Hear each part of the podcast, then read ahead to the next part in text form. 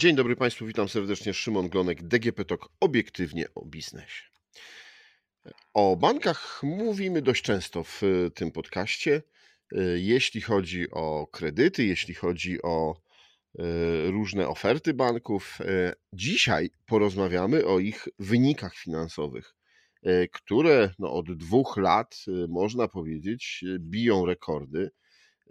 Obecny kwartał, znaczy pierwszy kwartał tego roku też był bardzo, bardzo dobry, ale z czego to wynika i jakie są prognozy na przyszły rok, o tym porozmawiam z panią Karoliną Leśkiewicz, dyrektorką w Karnej.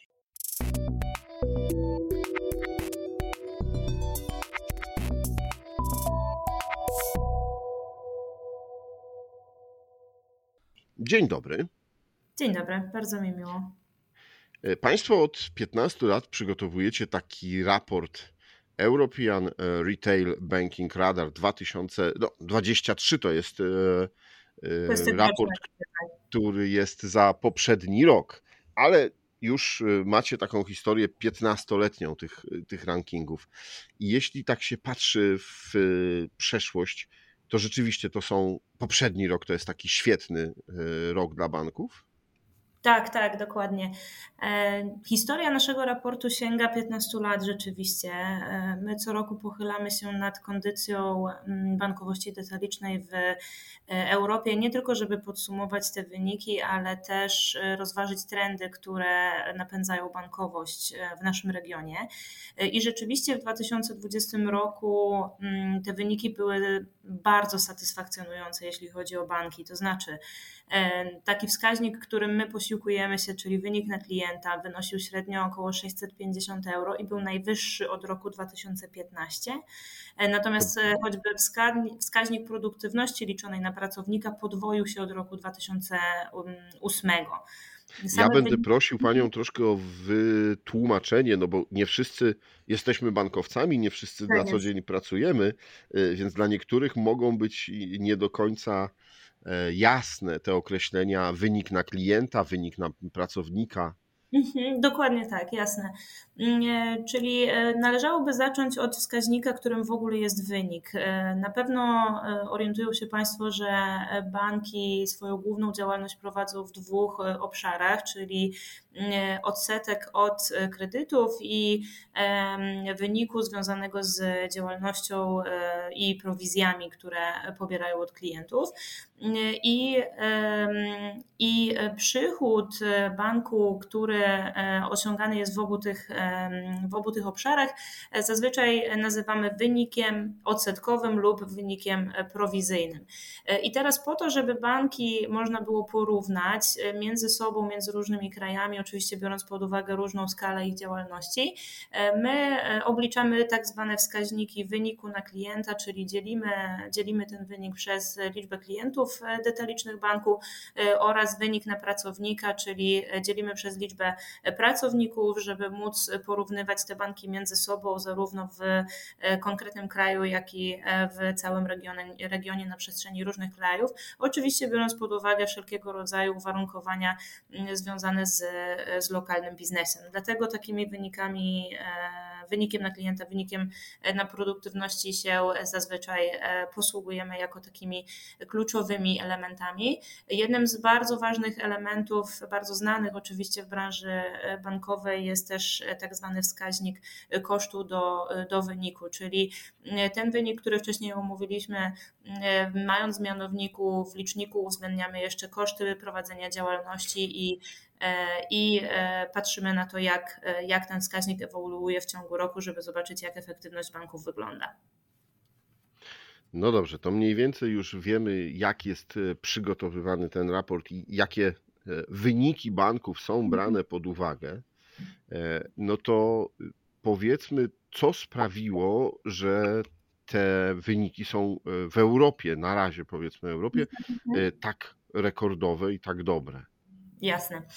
Tu są dwa elementy. Pierwszy z nich po stronie tak zwanej przychodowej to są kwestie, które w 2022 roku były szczególnie istotne, czyli mm, środowisko, w którym po raz pierwszy od dawna zaczęły rosnąć stopy procentowe, nie tylko w Polsce, bo tak jak Pan wspomniał, na razie koncentrujemy się na regionie w ogóle Natomiast dodatkowym elementem to oczywiście pewnego rodzaju odbicie po, mm, po pandemii. Ono oczywiście w pewnym momencie zostało mm, przerwane przez, e, przez szczególnie w Europie Środkowo-Wschodniej przez wybuch wojny.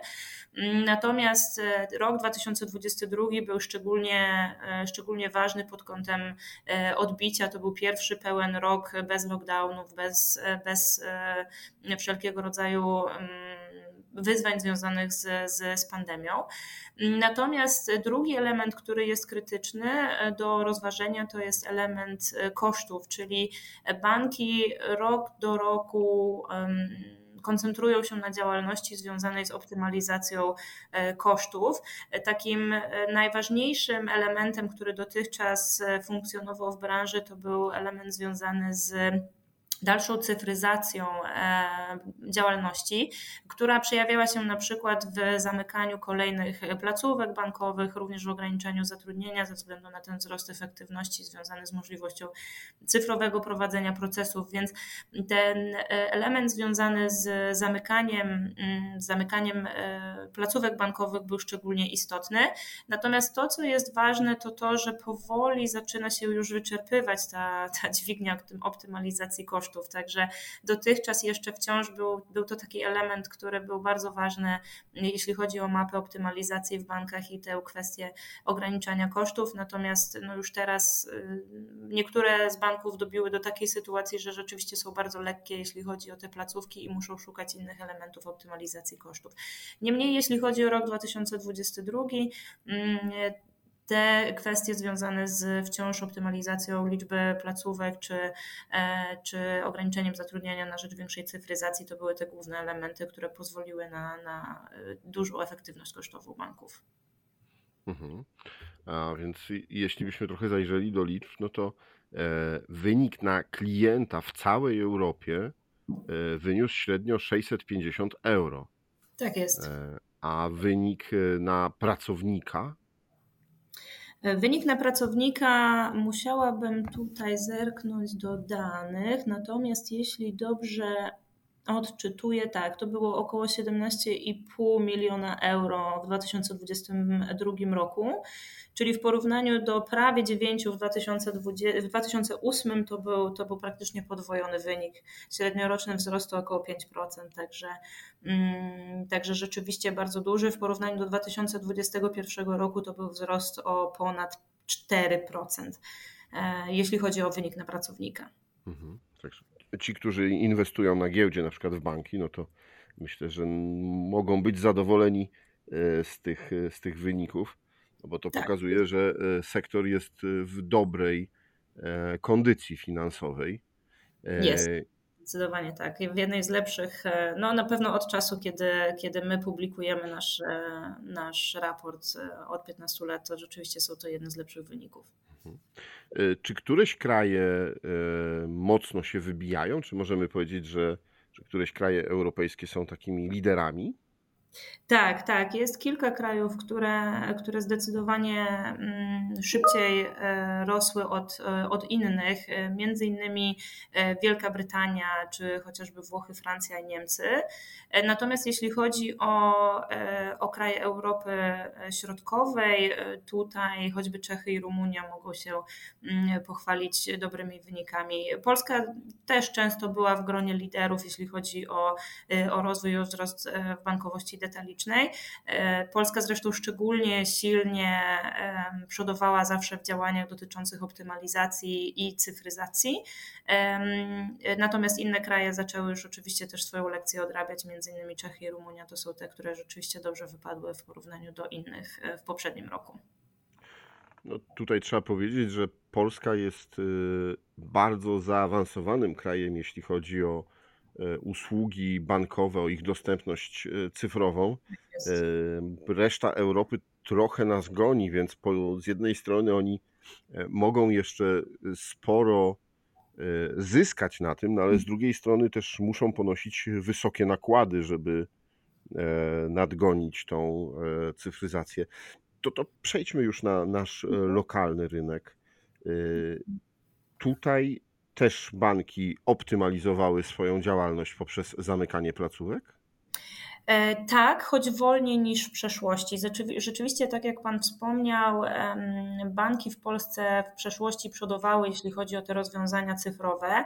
I oczywiście efektem cyfryzacji kolejnych procesów było to, że e, mogły pozwolić sobie na, na e, zamykanie części ze swoich placówek, więc u nas ten proces postępował po prostu trochę wcześniej. Rzeczywiście w 2022 roku w stosunku do 2021 już aż tak ogromnego żadnego postępu nie było widać w największych bankach.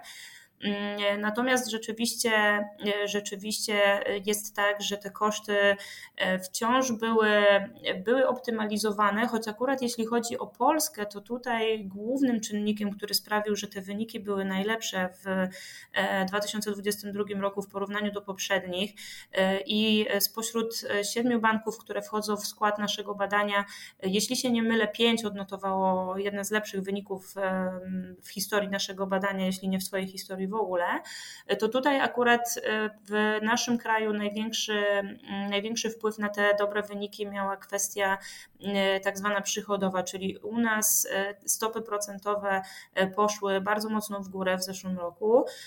To oczywiście spowodowało, że po tej stronie wyniku odsetkowego banki bardzo dobre wyniki zanotowały i jednocześnie ta kwestia kosztu mm, brak e, rzeczywistych, e, takich ogromnych, spektakularnych sukcesów w porównaniu do innych krajów był przyćmiony przez ten bardzo dobry wynik, bo e, tak jak wspominałam na początku, jednym z elementów, który monitorujemy i taki podstawowy wskaźnik w, w bankowości to jest wskaźnik kosztu do wyniku i Polska co do zasady przodowała w tym wskaźniku, jeśli chodzi o Europę, natomiast ta, mm, ta pozycja lidera nie jest już aż tak widoczna w poprzednim roku, ponieważ ten wskaźnik kosztu do wyniku w Polsce wyniósł 57,2% i był najwyższy od 2015 roku. Dla Europy było to 58,8%, więc wciąż ten wskaźnik w Polsce był lepszy, ale już nie spektakularnie lepszy od, od średniej dla E, dla Europy. Także u nas te koszty były jednak mimo wszystko. Mm, nie były aż tak silnie optymalizowane. Tutaj oczywiście w grę wchodziły takie elementy jak e, choćby wakacje kredytowe czy e, wysokość e, rezerw, ale też na przykład kwestie związane z kosztami cyfryzacji, czy nawet konieczność wsparcia przez tak zwany system ochrony banków komercyjnych, który w 2022 roku został mm, utworzony i, i większość banków w Polsce do niego przystąpiła. Mhm. E które banki Państwo w Polsce badacie? Jakich, jakie to są, żebyśmy też powiedzieli naszym słuchaczom? Jasne. E, to są odpowiednio PKO BP, PKO SA, Santander, ING, mBank, BNP Paribas i Millennium.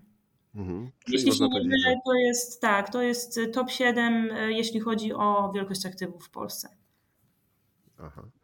E, jakie są prognozy, to może wróćmy trochę dla, mhm. dla Europy, bo to pewnie też będziemy mogli powiedzieć inaczej dla, dla naszego rynku tutaj lokalnego, a y, inne trochę dla całej Europy na rok 2023. No, pierwsze dane, tak jak już mówiłem, y, przynajmniej z Polski, ale w Europie też y, są optymistyczne, nawet bardzo. Dokładnie tak, dokładnie tak. I tak samo przewidujemy, że całość roku 2023 to wciąż będzie dobry rok dla, dla banków.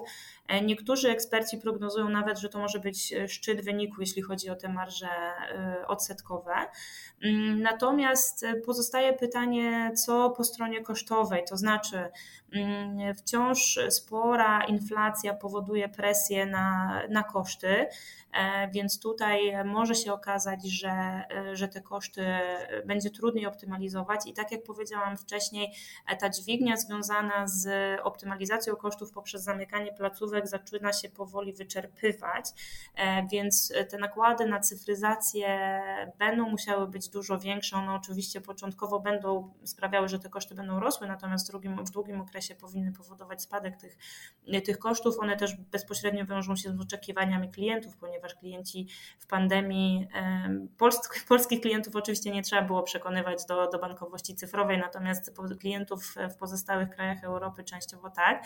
I oni w pandemii bardzo mocno się ucyfrowili, więc, więc będą też, ta presja na, na, na cyfryzację będzie będzie rosła. Czyli podsumowując, rok 2023 zakładamy, że wciąż będzie bardzo dobry, natomiast po tej stronie kosztowej e, trudno jest jeszcze teraz powiedzieć, który z czynników będzie, będzie przeważał, czy rzeczywiście uda się te koszty odpowiednio jeszcze optymalizować w tym 2023 roku.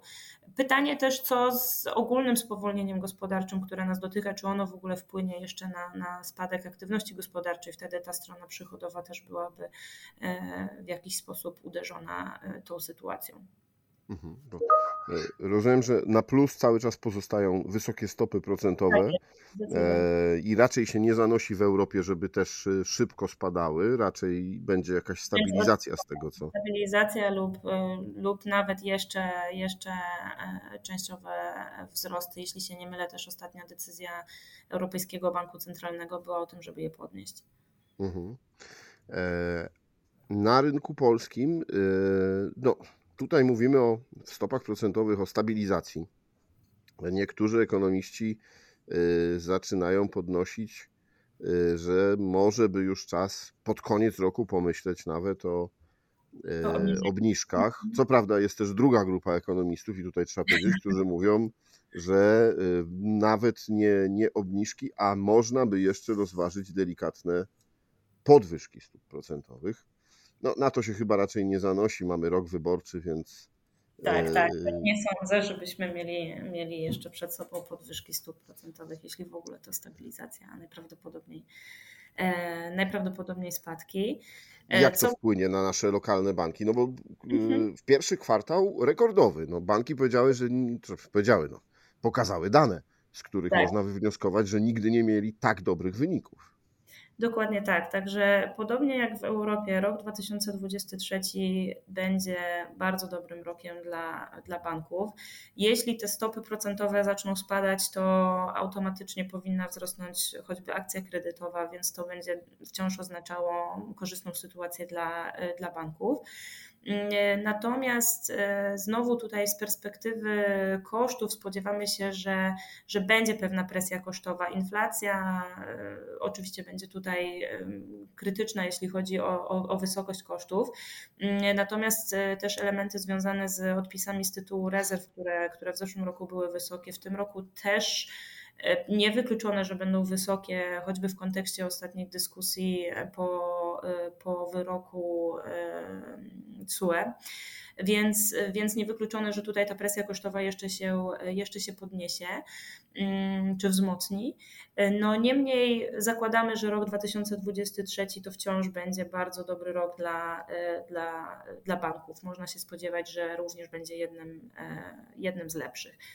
Mm, na pewno kolejne lata będą, będą takimi latami większej niepewności w sytuacji, gdzie ta sytuacja gospodarcza już się ustabilizuje i działania strategiczne, e, takie bardziej długoterminowe będą musiały być podejmowane, żeby rzeczywiście e, mieć po pierwsze większe zaufanie klientów, ale po drugie też wciąż tę stronę kosztową poprawiać. Czy polskie banki mają jeszcze przestrzeń do cyfryzacji? bo chyba już usługi bankowe no, mamy scyfryzowane, no, mówiąc yy, tak kolokwialnie, na maksa. Wydawać by się mogło, że tak, natomiast e, problematyczne w tego typu procesach jest to, że często One są rzeczywiście scyfryzowane, ale z perspektywy klienta. Natomiast pamiętajmy, że obsługa procesu to szereg działań, czy chociażby na przykład obsługa kredytu to są wieloletnie działania po, po, po stronie banku. I mimo, że mm, sam, samo przystąpienie do produktu, do procesu z perspektywy klienta rzeczywiście wydaje się być bardzo zdalne i bardzo cyfrowe, to sama obsługa danego procesu z perspektywy banku już taka cyfrowa może nie być. I rzeczywiście jest tak, że wiele z tych procesów można jeszcze usprawnić, mm, optymalizując tak zwany back office, czyli, czyli działalność e, wewnętrzną banku, która służy obsłudze konkretnych produktów, konkretnych usług. I tutaj e, proszę mi uwierzyć, że te działania jeszcze, jeszcze są bardzo perspektywiczne w kwestii banków, to znaczy, że jeszcze bardzo dużo jest do zrobienia w tym obszarze. Mm, dodatkowo to są ogromne projekty wymagające nie tylko wielu nakładów finansowych, ale też e, wielkich inwestycji, jeśli chodzi o, o taki kapitał technologiczny. E, więc kwestia obsługi danych i, i, i tych procesów pozostaje wciąż do, do, do modernizacji. W branży mówi się o czymś, co nazywa się technology legacy, czyli, czyli pewne takie mm, zapóźnienie technologiczne wynikające z tego, że wiele systemów bankowych było budowanych lata temu i, i one nie wszystkie wręcz śmiem twierdzić, że jeszcze pewnie nie połowa była aktualizowana, więc jeszcze tej pracy jest bardzo dużo e, przed bankami, jeśli chodzi o optymalizację. Mm, e, no ale poza tym oczywiście sektor musi zastanowić się, jakby część optymalizacyjna to jest taka część e, business as usual, można byłoby powiedzieć. Natomiast banki muszą zastanowić się, co konkretnie powinny jeszcze zrobić, żeby klientów e, ekscytować bankowością, czyli jakie konkretne produkty, jakie konkretne usługi. To nie tylko cyfryzacja, ale też nowe produkty, szczególnie dla młodszych klientów, którzy są dużo bardziej wymagający. Mm, no i też pamiętajmy o całym obszarze zrównoważonego rozwoju. Dziś klienci coraz bardziej naciskają na banki, żeby produkty czy usługi, które bank oferuje, to były produktami, które przynajmniej wspierają elementy zrównoważonego rozwoju.